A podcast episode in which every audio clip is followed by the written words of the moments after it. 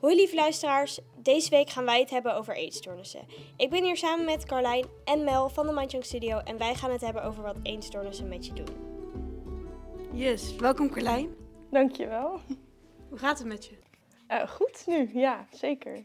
Goed om te horen. Uh, we hadden wat vraagjes voor jou. Ja. Um, en de eerste is eigenlijk waar had je precies last van of hebt? Qua eetstoornis, ja. Ja.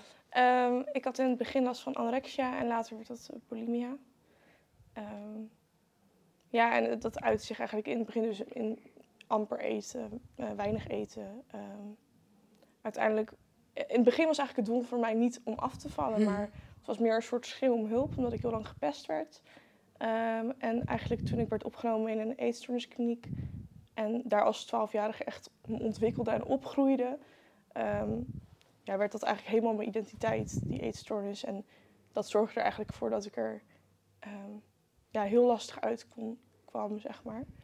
Um, dus dat, dat ik helemaal in de ban was van die eetstoornis eigenlijk. Um, en ik heb dan denk ik zes jaar anorexia gehad. en ja, dan is je lichaam behoorlijk ondervoed, kan ik je vertellen.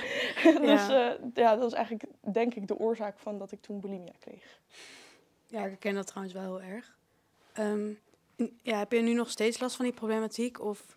Nee. nee, nu gaat het gewoon helemaal goed. Dus dat is fijn. Dat is wel echt heel cool. Ik voel me wel. Het is altijd lastig om te zeggen wanneer je nou echt hersteld bent Mhm. van een eetstoornis. Maar ik heb al een tijdje, al een tijdje dat ik, uh, zeg maar, als ik vertel over uh, mijn ervaringen, want ik werk als ervaringsdeskundige, dus Mhm. dat gebeurt nogal vaak, dat ik dan in de verleden tijd praat. Dus ik zeg, ik had een eetstoornis. Ja. en Ik deed dit. En ik, dus dat was voor mij wel een teken dat ik er echt, dat die identiteit, um, dat ik me los probeerde te koppelen van die identiteit. Um, en nu, ja, nu identificeer ik me echt niet als iemand met een eetstoornis. Dus dat is top, denk ik. Ja, dat is zeker top. Ja, hoe heb jij je losgekoppeld van je eetstoornis eigenlijk?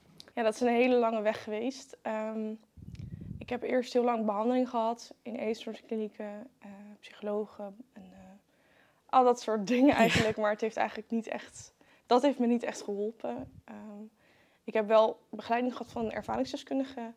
Um, die nu overigens mijn werkgever is. Wow. Ja, dus, uh, want ze heeft mij begeleid. En uh, zij had dus ook ervaring met een eetstoornis met bulimia anorexia. Mhm. Dus zij gaf me echt hoop. Um, en ik kon heel erg herkenning bij haar vinden. En dat vond ik gewoon heel fijn. Ik had eindelijk het idee dat iemand me echt begreep. Um, en toen heeft zij eigenlijk gezegd van... wil jij niet ook de training tot ervaringsdeskundige doen bij ons? En mijn ouders waren een beetje van, nou, uh, het gaat nog niet zo goed, hè. Uh, niet de zaken vooruit lopen, maar uh, ik heb het uiteindelijk toch gedaan. En dat is uit, ach, achteraf echt een goede keuze geweest. Uh, want dat heeft er eigenlijk voor gezorgd dat ik het idee had van... mijn ervaring was niet voor niks geweest, het heeft Mhm. echt nut gehad. En, of het heeft nut en ik kan er nu iets mee. Um, dus het worden van een ervaringsdeskundige heeft me heel erg geholpen om te herstellen. Uh, niet alleen van een eetstoornis, maar ook van uh, andere Hmm. psychische klachten. Um, en daarnaast denk ik, ja, echt eigenlijk veel eten. Dat klinkt heel nee, maar is ja, wel over zo, niets. ja. Want um, Ja. als, je, als je gewoon zes, zeven jaar, Mhm. nou acht jaar geloof ik. Als je acht jaar um, amper eet, dan uh, ben je, heb je aardig honger. En dan moet je gewoon, moet je wel meer eten om, meer dan een normale mens af en toe, om daarvan te herstellen. En soms moet dat, uh, kijk, als, als een weegschaal zo staat, dan moet die Mhm. soms eerst even een beetje Ja. zo gaan om weer in balans te komen. Dus dat heb ik gedaan. Maar vond je dat dan niet lastig of zo om, zeg maar, aan je honger toe te geven of zo? Ja. Want ik heb ook ext- extreem honger gehad, zeg maar. Als je Ja. een hele lange tijd heel ondervoed. ja, zeker. Dat is ook super lastig. En ik had dus al heel veel informatie opgezocht over extreme honger en ehm, over het herstel van een eetstoornis en eh, hoe er andere ervaringsdeskundigen eh, um, ja, ervan zijn hersteld. Um, dus ik wist wel dat het, uh, dat het kon helpen om naar je hongergevoel te luisteren. En dat is eigenlijk ook super logisch natuurlijk. Mm. Maar ja, dat wil je niet geloven als iemand met een eetstoornis. dus, uh, maar uh, dat had ik heel lang wel in mijn hoofd dat dat de manier was, maar ik durfde het nooit. Mm. Um, en ik weet nog heel goed, uh,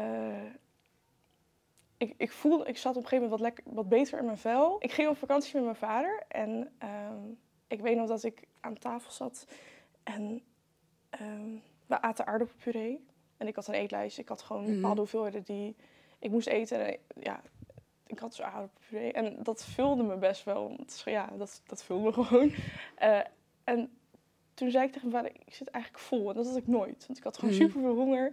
Maar toen zat ik vol. En toen zei mijn vader, maar dan hoef je het gewoon niet op te eten. Als je Mhm. lichaam aangeeft dat het vol zit, dan hoef je het niet te eten. Dat was echt een soort vaag Eureka-moment van Ja. wow. Maar dan hoef ik nu dus niet te eten. Maar als ik zo meteen weer honger heb, dan kan ik gewoon weer wat pakken, weet je wel. Nou, dat was echt Eureka. Ehm, dus ja, en toen merkte ik dat ik mijn lichaam iets beter begon te vertrouwen, zeg maar. En dat ik dacht, oké, het kan wel echt aangeven wanneer het honger heeft en vol zit. En eerst durfde ik daar nooit op te vertrouwen, maar langzaamaan dus wel. En toen ging ik langzaamaan gewoon wat... ja, ik ging meer eten naar wat ik nodig had. En langzaam wat uitdagingetjes proberen. Dus wat dingetjes eten die ik eng vond. Ja, wat ik merk bij mezelf heel erg, nou, ik ben ook wel een herstel. ehm, ik zeg dan ook niet meer van ik heb een eetstoornis. Omdat Mhm. ik dat echt zo van, voor mij betekent dat echt gewoon, nou ja, dat het niet goed gaat. Mhm. Ehm, dus ik zeg altijd maar echt hersteld ben ik niet. Dus ik zeg dan, ik ben herstellende van een eetstoornis. Zo Ja. benoem ik dat. Ik heb al één keer gezegd van ik heb anorexia gehad. En dat voelde eigenlijk best wel goed. Maar wat nu een beetje is, is bij mij... ehm, nou, vergeleken hoe het ging, zeg maar, eh, gaat het een stuk beter. Maar wat bij mij heel erg altijd in de weg zit, is dat ik... ehm, nou, een tijdje geleden ehm, ging ik meer luisteren naar mijn hongergevoel. Want ik merkte gewoon, Mhm. ik heb heel veel honger en Ja. Ehm vond ik heel lastig, maar ik gaf daaraan toe. Alleen op een gegeven moment dan raak ik in paniek of zo. Van super bang om aan te komen. Omdat ik mijn gewicht ook best wel koppel aan mijn verleden of zo. Dus ik ben eigenlijk teruggevallen in, nou ja, niet zo goede dingen, zeg maar. Ik Probeer me wel te Mhm. herpakken. Ik heb ook weer een eetlijst even tijdelijk. Maar ik vind het zo moeilijk om die angst los te laten. Omdat Ja. ik echt gewoon... Ik snap, ik snap het wel, ja. Het is oké. Hm. Het is echt oké.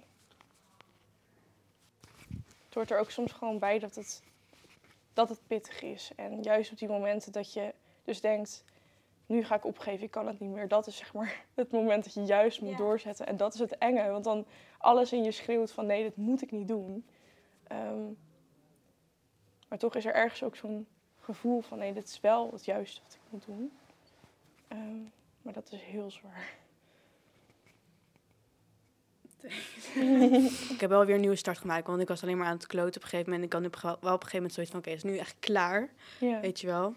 Dus ook al gezegd tegen vrienden van... Oké, ik heb een nieuwe start gemaakt. Als Ja. stok achter de deur dat ik ook echt dat ga doen. ja. Ehm, maar toch het stukje vrij zijn van het eten of zo... vind ik heel erg lastig of zo. Omdat er nu best wel dingen gaan zijn in mijn leven... die me heel veel angst geven. ja, logisch ook. Omdat het, het is jouw copingmechanisme. Je hebt het eigenlijk uitgevonden dat het dus ja, op korte termijn werkt. Ja, En je moet eigenlijk een soort nieuwe verbindingjes aanleggen in je, in je hoofd van... "Ja, Maar wacht even, het werkt dan voor even, maar dan heb ik het morgen weer nodig. Ehm, ja, en dan, dan is het zoeken naar dingetjes die, die ook helpen. En dat, dat hoeft niet per se iets van afleiding of iets te zijn, maar het kan ook gewoon zijn dat je, dat je jezelf gewoon even laat huilen. Ehm, dat het er even uit mag. Ehm, en dat het dan misschien oplucht uiteindelijk. En dat zijn dingetjes die dan voor mij in ieder geval langer hielp. Dat het gewoon, je klopt het zo vaak op. En die emmer, daar moet gewoon soms wat gaatjes in. Omdat, ja dat moet eigenlijk uit op een gezonde manier. En dat, ja, ja. stapje voor stapje. Ben je wel eens teruggevallen? Ja, dat is misschien is het om een vraag nou ja, ja, ik ben wel teruggevallen. Ja, ja. Eh, het komt denk ik ook omdat ik nooit 100% toen de keuze had gemaakt om te herstellen. Ja. Maar vaak werd gedwongen door de hulpverlening, zeg Mhm. maar. Of ehm, me gedwongen voelde. Mhm. Ehm, ja, en dan heb je gewoon niet eigen motivatie, althans niet genoeg om. En je weet ook niet waarvoor je het doet. Ehm, anders dan, dan kan ik weer, eh, Mhm. eh, dan heb ik weer wat meer vrijheid of zo. Ja, precies. niet meer constant onder controle te staan van weet ik veel allemaal. Zeg maar. Ja. Dus dat was dan de motivatie. Maar het had, mij heeft echt geholpen dat ik die interne motivatie echt voelde. Wat levert herstel je op, zeg maar? Ehm, ja, het heeft me echt heel veel opgeleverd. Ehm, toen ik beter ging eten en naar mijn hongergevoel dus ging luisteren, zorgde dat eigenlijk voor dat mijn hoofd en mijn lichaam uit die ondervoedingsstand Mhm. gingen, zeg maar. En dat het niet meer constant schreeuwde om eten, eten, eten, zeg maar. Alles in mij was met eten bezig. Ik weet niet of je dat ook herkent, maar ik was dan in mijn Ja, hoofd ook alleen ja. maar aan eten aan het denken. En aan kookboeken aan het doorbladeren. En aan het bedenken ook wel later echt topchef worden, weet je. Ja. Dat soort gekke dingen. Dat je dan gewoon echt nergens anders aan kan denken. Ehm, en dat, toen ik dus beter ging eten en naar dat hongergevoel ging luisteren, toen had ik gewoon veel meer ruimte, kreeg ik veel meer ruimte voor andere dingen. En kon ik gewoon eigenlijk uitvinden wat nou mijn echte identiteit was en wat ik echt leuk vond. En dat hadden hulpverleners wel altijd verteld van ja, je gaat een andere identiteit of je eigen, je gaat jezelf Mhm. terugvinden. Maar ik dacht, ja, doei. Weet je wel, fucking eh, cliché. Ja, Weet je, ja. Dus nou ja, ik had... eh, maar ik had wel echt dat ik meer ruimte kreeg in mijn hoofd. En dat ik ook dacht, oh, ik vind make-up eigenlijk heel leuk. Ik vind kleding eigenlijk heel leuk. En ik wil eigenlijk echt wel wat doen met zingen en theater en zo. Dat vind ik echt ook eigenlijk super leuk. ja, en doordat er meer ruimte kwam, ging ik daar ook weer meer tijd in besteden. En ik voelde me daardoor gewoon veel beter eigenlijk. Dus dat was heel erg fijn. En wat ik er nog meer voor terugkreeg. Vrijheid.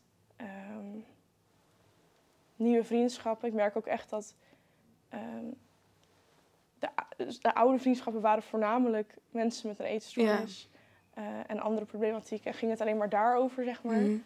En ik merk nu de laatste tijd dat ik er echt een beetje moe van word om daar constant over te hebben. ja, Uh, Want als voor mijn werk vind ik het dan eh, oké. Uh, maar als het dan ook in mijn privéleven daar alleen Ja. maar over gaat, dan uh, dat vond ik gewoon echt niks. Of vind ik niks. Um, en natuurlijk mag je het erover hebben, maar niet de hele Mhm. tijd. Um, dus ik merk dat ik het gewoon veel leuker vind om dingen, over dingen als theater te praten. Of gewoon te gaan shoppen met iemand. Of dat soort dingetjes, weet je wel. Je gaat hele andere interesses krijgen. En dat heb ik er echt wel voor teruggekregen, zeg maar. Wel mooi. Want Ja. ik heb heel veel angst om aan te komen of zo. Want ik vroeg ook waar gepest ben. En, en daardoor durf ik niet meer op dat gewicht te komen van toen. Ja, Zeg maar, ik heb al, ben al wel heel veel aangekomen. Dus ik heb wel zeg maar stappen daarin gemaakt. Maar toch blijf ik op soort van op een veilige haven waar ik Ja. niet me vrij in durf. Of Ja. tijdelijk wel, alleen dan raak ik dus in paniek. ja dat is het een veilige gevoel. Mhm. Je hebt wel het idee dat je controle over hebt, maar eigenlijk heeft die eetstoornis gewoon controle over jou. Ja, klopt. zeg ik het ook altijd tegen eh, mensen die ik begeleid, zeg maar. Dat je, het voelt veilig, maar ik denk dat je diep van binnen ook wel gewoon weet dat het echt alles behalve veilig is. En dat het, Ja, dat het gewoon echt niet fijn is. Het is een soort, hoe ik het dan omschrijf, is het, mijn leven echt, heeft echt een tijd op pauze gestaan. Eigenlijk doordat Ja. ik het niet aanging, het leven. En met alle, er zijn ook moeilijke dingen in het leven. Hè? En natuurlijk, dat blijft ook na een eetstoornis. En alleen toen ik in eetstoornis zat, zat ik zo in de slachtofferrol en ging Mhm. ik niks aan.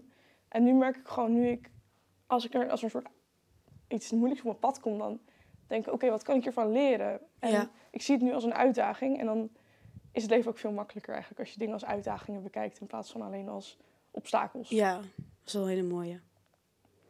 Wil jij nog een vraag doen, anders? Ehm, wat denk jij dat er verbeterd moet worden in de hulp eh, naar eetstoornissen toe? Ehm, veel. nou ja, het is een lastige, want ik, ik snap ook ergens wel dat je ehm, eh, dat dingen als dwangvoeding, hoe traumatiserend het ook is, maar ik kan die gedachte wel begrijpen dat, dat je wil iemand niet dood laten gaan natuurlijk. Ehm, en, maar ik denk dat, dat, dat je veel meer moet kijken naar het psychische deel natuurlijk. Dat, eh, dat, dat is het belangrijkste, want daar gaat een eetstoornis over. Ehm, in plaats van alleen maar naar gewicht en a- aankomen en eten. En natuurlijk moet dat ook, maar ehm, ja, het gebeurt nu gewoon te veel dat mensen gewoon aangekomen zijn en dan weer weg worden gestuurd en vervolgens een paar maanden later weer terugkomen omdat ze weer terug zijn gevallen. Ehm, dus ik denk het, het achterliggende, het, eh, de gedachten die ervoor zorgen dat jij dit gedrag gaat vertonen, ik denk dat daar aan gewerkt moet worden. Ehm, en ik denk ehm, dat we misschien minder strikt moeten zijn met eetlijsten en zo. Want op een gegeven moment, als je, als je wat, een tijdje wat normaler eet, misschien, voor iedereen is dat anders hoor, maar dan komt je hongergevoel vaak wel weer terug. Of dan versterkt je hongergevoel en dan merk je pas hoeveel honger je hebt.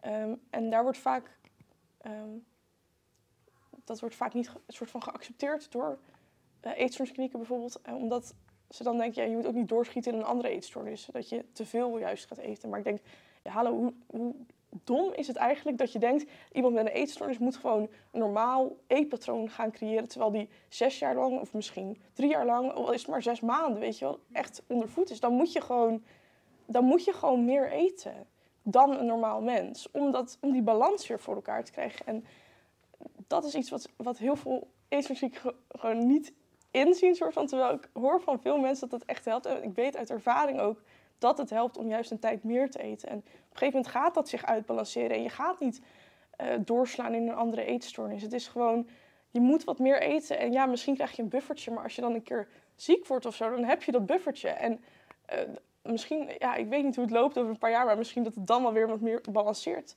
En daar, daarnaast, weet je, en dan heb je misschien uh, een zwaarder gewicht dan je streefgewicht. Ja, boeien, weet je wel. Je krijgt er wel heel veel voor terug. Ik krijg er heel veel voor terug.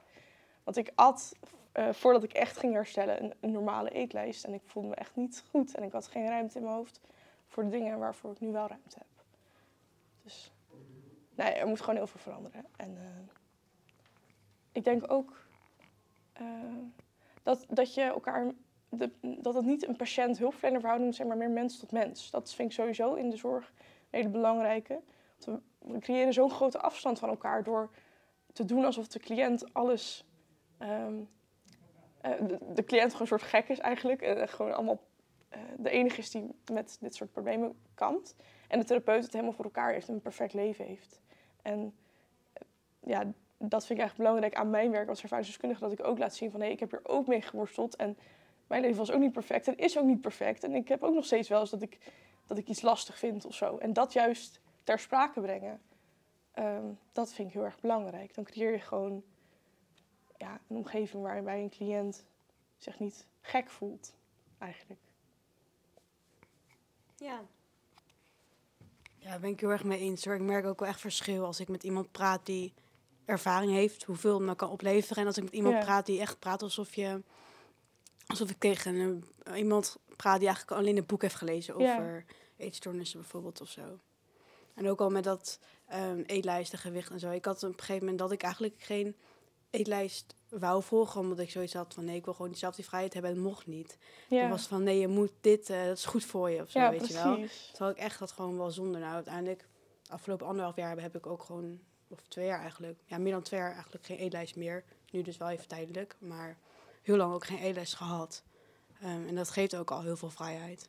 Ja, het is ook gewoon je eigen regie pakken en krijgen. Dat kan gewoon heel helpend zijn in plaats van Ja. constant maar dingen Ergens aan vasthouden ook. Ja, ja, ik zie ook zelf bij het me- meisje dat ik begeleid, eh, dat zij nu pas echt opbloeit nu ze zelf gewoon keuzes mag maken. En dan ook echt wel die verantwoordelijkheid neemt en laat zien dat ze die keuzes ook echt goed, dat ze goede keuzes kan maken. Ja, Ehm, ja, dan, ja, dat is gewoon heel mooi om te zien.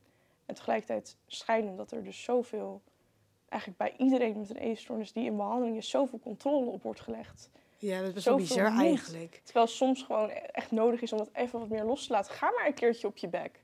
Ja, dan leer je ook weer dat dat dus misschien niet helemaal een handige manier is om met je emoties om te gaan. Dat je denkt, nou, misschien moet ik het volgende keer iets anders proberen. Ik ken het ook wel echt heel erg. Ook dat ze dan, bij mij was het heel erg dat ze, oké, bij een bepaald gewicht mocht je dit doen, maar dat Ja. mag je dat doen. En echt gewoon zo de hele tijd en dan is het klaar, dan mag je gaan. Weet je wel, zo was het Ja. een beetje. Maar daar focus je eigenlijk niet op waar het over echt moet gaan. Ja, klopt. Ja, helemaal eens. Ja. ja, ik heb zelf niet echt heel erg ervaring of zo met eetstoornissen. Maar ik kan me wel heel erg voorstellen dat het juist niet helpt om zo'n lijst te hebben met je moet dit, je moet dat. da, da, da. Ja. Dat het juist wel helpt als je een beetje die vrijheid hebt om te kijken van ja, wat, wat gaat wel, wat gaat niet. Dat soort dingen. Dus ik kan me dat wel heel goed voorstellen. Ja, omdat je dus aangezien je ervaringsdeskundige bent van het vergeten kind. Ehm, ehm, wat doe je nu bijvoorbeeld om je veilig te voelen? Of, Oh, ehm, nou, ja, veilig, veilig voelen. Ik, ja, ik denk dat dat meer zit in hoe ben je naar jezelf. Want je kan zelf ook veel veiligheid voor jezelf creëren. Ehm, het ligt natuurlijk ook aan de mensen buitenaf. Ik bedoel, het kan altijd onveilig zijn. Mhm. Maar ehm, het enige waar je controle op hebt, is of je voor jezelf veilig bent. Dus jij kan eh, eigenlijk je gedachten bepalen. Hoe vaker je ehm, bijvoorbeeld één ding tegen jezelf zegt, hoe meer je dat gaat geloven. ja. Ehm, ik heb bijvoorbeeld ook gehoord dat als je bijvoorbeeld een, eh, een, een, een, hoe heet dat, een post-it of, of je spiegel pakt met bijvoorbeeld een, een korte zin, een soort affirmatie, en je leest die elke dag, dat het echt bepaalde verbindingen in je, in je, in je hersenen Ja. aanmaakt van, oh ja, die zin blijft dus steeds in je hoofd zitten. En dat zorgt er ook voor dat je, ja, je gaat gewoon je eigen gedachten creëren. En dat is, vind ik, echt iets heel moois. Je kan gewoon zelf bepalen hoe je naar jezelf bent. Of je lief naar jezelf bent of hard. En ik had de laatste keer dat ik me echt even niet lekker voelde. En ik was heel hard naar mezelf. En ik voelde me helemaal niet, chill. En toen dacht ik, maar ik kan nu in ieder geval lief naar mezelf zijn. Want ik kan de rest allemaal niet oplossen. Daar heb ik geen controle over. En toen ik mezelf gewoon ging afvragen van waar verlang ik nu naar? Wat, waar ik nu behoefte naar? Ehm, en dat ging doen. Eh, toen voelde ik me gewoon veel beter. En dan creëer je eigenlijk je eigen veiligheid en ehm, vertrouwen in jezelf. En dat je, dat je dus je eigen veiligheid en gedachten kan creëren. Vind ik echt heel mooi dat je dat zegt. Hm. Volgens mij had ik nog één vraag en daarna nog dat ik zeg maar... ehm, wat heb je het zelf het meest geleerd van jezelf in herstel? Van mezelf. Ja. Of over jezelf, hoe je het Oh, ziet. ja. ehm, oh, dat vind ik een lastige. Even denken. Ja, ik denk gewoon wat ik, wat ik leuk vind om te doen. Eh, maar ook hoe gedachten bij mij werken. En wat ik ook net zeg, van dat je dus heel veel zelf in de hand hebt. Ehm, ik heb ook wel eens de metafoor gebruikt van een eetstoornis is eigenlijk opgesloten zitten in een, in een gevangenis. En eigenlijk heb jij de sleutel van jouw cel. Dus je hebt eigenlijk heel veel controle op hoe, eh, of jij herstelt en ehm, hoe. Eh, en natuurlijk is dat super lastig. En dan heel veel gedachten kunnen je tegenhouden. En eh, dingen in het leven, gevoelens. En het, het leven is soms ook super moeilijk. En dan snap ik dat je daarin wil duiken in die eetstoornis. En niks is gewoon een soort cocon om jezelf heen wilt houden. Ehm, die veilige kleine wereld van de eetstoornis. Maar de, de wereld daarbuiten is eigenlijk, pas als je hem ontdekt, hij is zoveel mooier. Het is zoveel groter. Je kan zoveel. En dat is echt iets wat ik soms dat, dat ik mensen door elkaar wil schudden van luister nou, het is zo mooi. Maar en ik kan dat wel zeggen, maar je hebt, zelf, je hebt het zelf in de Mhm. hand. En dat is wel echt iets wat ik heel erg heb geleerd. Van, je kan zelf bepalen, ehm, ja, voor het deel waar je controle op hebt, Mhm. hoe het met je gaat. Ehm, Je hebt zelf die sleutel. ja, Ik heb ehm, dat filmpje waar je, nu, waar je het nu over hebt, die had dat eh, gesproken toen. ik had het op YouTube gezien bij Proud to Me of zo. Dat was toen. eh, ik, ik keek hem toen, dat is echt denk ik al een half jaar geleden of zo, ik weet niet meer wanneer dat Oh, was. van uh, weet dat. ja, ik weet niet meer. Eating Disorder Action Day. Ik Daar weet stond ik toen te spreken. Ik denk dat je die bedoelt. Ja, paarse kleding. Ja, ja, dat is goed. Ja. Ik weet niet, ik keek die toen en toen moest ik echt huilen erbij of zo. Ik vond het zo mooi dat Oh. zei. Dus daardoor me, toen dacht ik, oh ja, dat, toen Ja. zei je dat. Ja, dat heb ik in ieder geval, in ieder geval daar, ja. Toen had ik dat in een soort eh, spoken word sessie, eh, verteltekst of zo gedaan. Ja. Ja, het is echt zo dubbel. Zo van, ergens ehm, is het lastig dat je de, de enige bent die dit kan doen. Maar aan de andere kant is het ook heel mooi dat je dat kan doen. Ook voor ja, dat jezelf. is het inderdaad. Het is allebei. Ja, en het is ook hoe je het formuleert of zo. Je moet die dingen, die dingen, ja, zoals ik het nu doe, die dingen in je leven als uitdagingen zien. En ja, je moet deze aangaan om veel meer ruimte te krijgen voor alle andere leuke dingen in het leven. En natuurlijk zijn er ook kutdingen. Dat hoort er gewoon bij. Je gaat je echt niet altijd aan iemand top voelen. Nee. Maar dat, je kan wel veel meer eh, aan als je niet alleen maar aan eten denkt, zeg maar. Ja, precies. Dan heb je gewoon echt daarin ook meer ruimte om ehm, ja, gewoon makkelijker mee om te kunnen gaan. Als je ondervoed bent, dan heb, is al je kracht en energie gaat naar die ondervoeding tegengaan eigenlijk. Dus eten, eten, eten. Dat is ook een mooie eh, affirmatie. Ja. Het is meer gewoon dat ik dan bijvoorbeeld nu op dit moment al aan eten denk en dat ik dan angst voel. Echt dat soort rare Oh, dingen ja. of zo. Ja, Maar ik heb wel voor het eerst echt, nou sinds, ja, ehm, ik struggle zeg maar daarmee.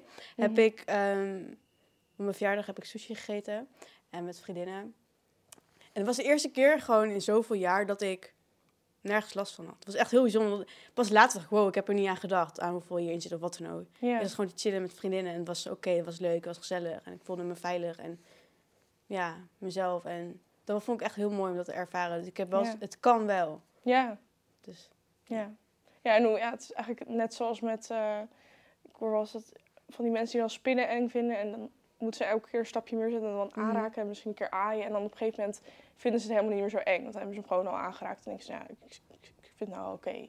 Dat is ook gewoon met eten. Dat beetje een gekke vergelijking. Maar hoe vaker en hoe meer dingen je Mhm. uitdaagt... eh, als je gewoon één keer die pizza eet, dan is het super eng. Maar als je dat vaker doet, dan denk je, nou, dat is gewoon een pizza. ja, Ja. precies. Ja, en het is en blijft gewoon een pizza. Het is verder niet. ehm, het is verder niet bepaalde gedachten of gevoelens, die creëer je er zelf bij. En dat komt ook door je gedachtenpatroon natuurlijk, die je misschien uit je jeugd hebt of waar, waar je dan ook last van hebt. Ehm, maar dat linkje aan die pizza en die linkjes, die mag je soms even gaan eh, doorknippen en er andere verbindingjes aan maken. En dat, dat klinkt een beetje zweverig, maar dat... Nee, ik snap wat je bedoelt. Dat heb ik soms Ja. wel van, als ik die pizza eet, dan. Maar dat, dat hoeft helemaal niet zo Nee. te zijn. Het kan ook iets heel anders zijn. Het is gewoon een pizza. Ja. ja. Goeie. Ja, thanks. Mhm. Zijn er nog bepaalde dingen die je mensen wil meegeven of dingen die je nog wilt zeggen die je nog niet gezegd hebt? Ehm, ik denk, ja, zo, het standaard praten erover.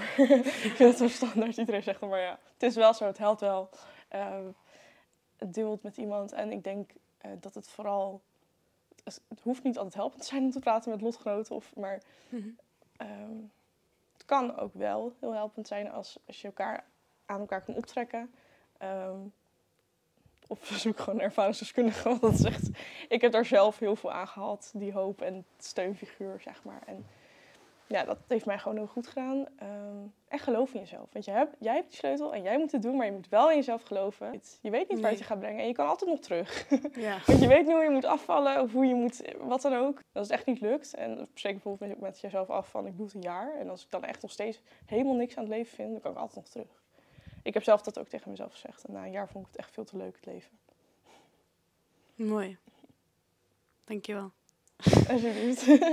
Ja, ik heb heel erg, zeg maar, ik heb afstand gedaan, zeg maar, van, nou ja, mensen waar ik mee met, met, met zo'n eetstoornisgroep, weet je wel. Daar, die- Ja. daar heb ik afstand gedaan, want dat is gewoon, ja, ziek maakt ziek. ja. Maar ehm, mensen die in herstel zijn op eetstoornisgebied vind ik wel lastig, want ik heb wel eens wel eentjes gekend die dan bijvoorbeeld depressie hebben gehad. Mhm. Maar dan is het toch anders of zo. Dan voel ik Ja. toch niet echt dat mensen me kunnen begrijpen of zo. En ik Mhm. zit al bij Human Concern. Alleen Oh, ik heb geen ervaringsdeskundige. Ik heb wel Oh. iemand die dan...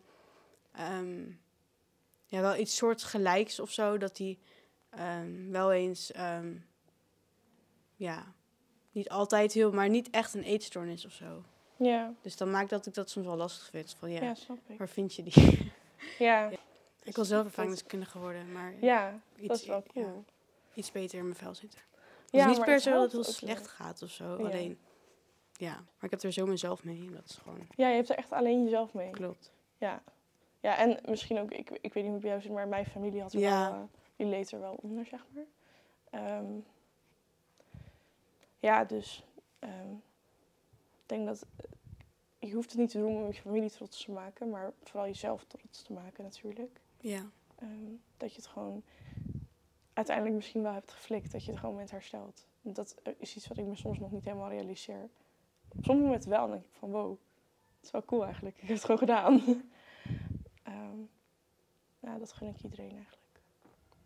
Nou ja, ik vind het gewoon een heel mooi gesprek eigenlijk. Ehm, ja, ik weet niet wat ik, er, wat ik eraan moet toevoegen. Zo aan toe moet voegen. Maar ik vond het wel gewoon een mooi gesprek tussen, tussen jullie twee. Sorry. Nee, maakt echt niet uit. Nee, maar ik heb hier ook gewoon niet zoveel in in te brengen. Omdat Ja. ik heb er geen ervaring mee. Ik weet niet wat het is. Ja, ik weet wel wat het is, maar niet echt, zeg maar. Ja, ja. En ik, ja, ik vind het dan heel lastig om dan me erin te gaan mengen. Omdat ik zoiets heb van, ja, ik wil geen verkeerde dingen zeggen of iets. Ja. Dus dan hou ik me er altijd een beetje buiten. Maar ja, ik vond het wel fijn om gewoon te luisteren. Dit was het alweer voor deze week. Bedankt voor het luisteren en bedankt Carlijn. Ehm, heb je nou vragen, zelfervaringen en wil je hier meer over vertellen? Stuur ons een gerust een DM op Instagram. En wie weet horen we jouw vraag of persoonlijke ervaring in de volgende podcast. Adios! Amigos. Doei doeg!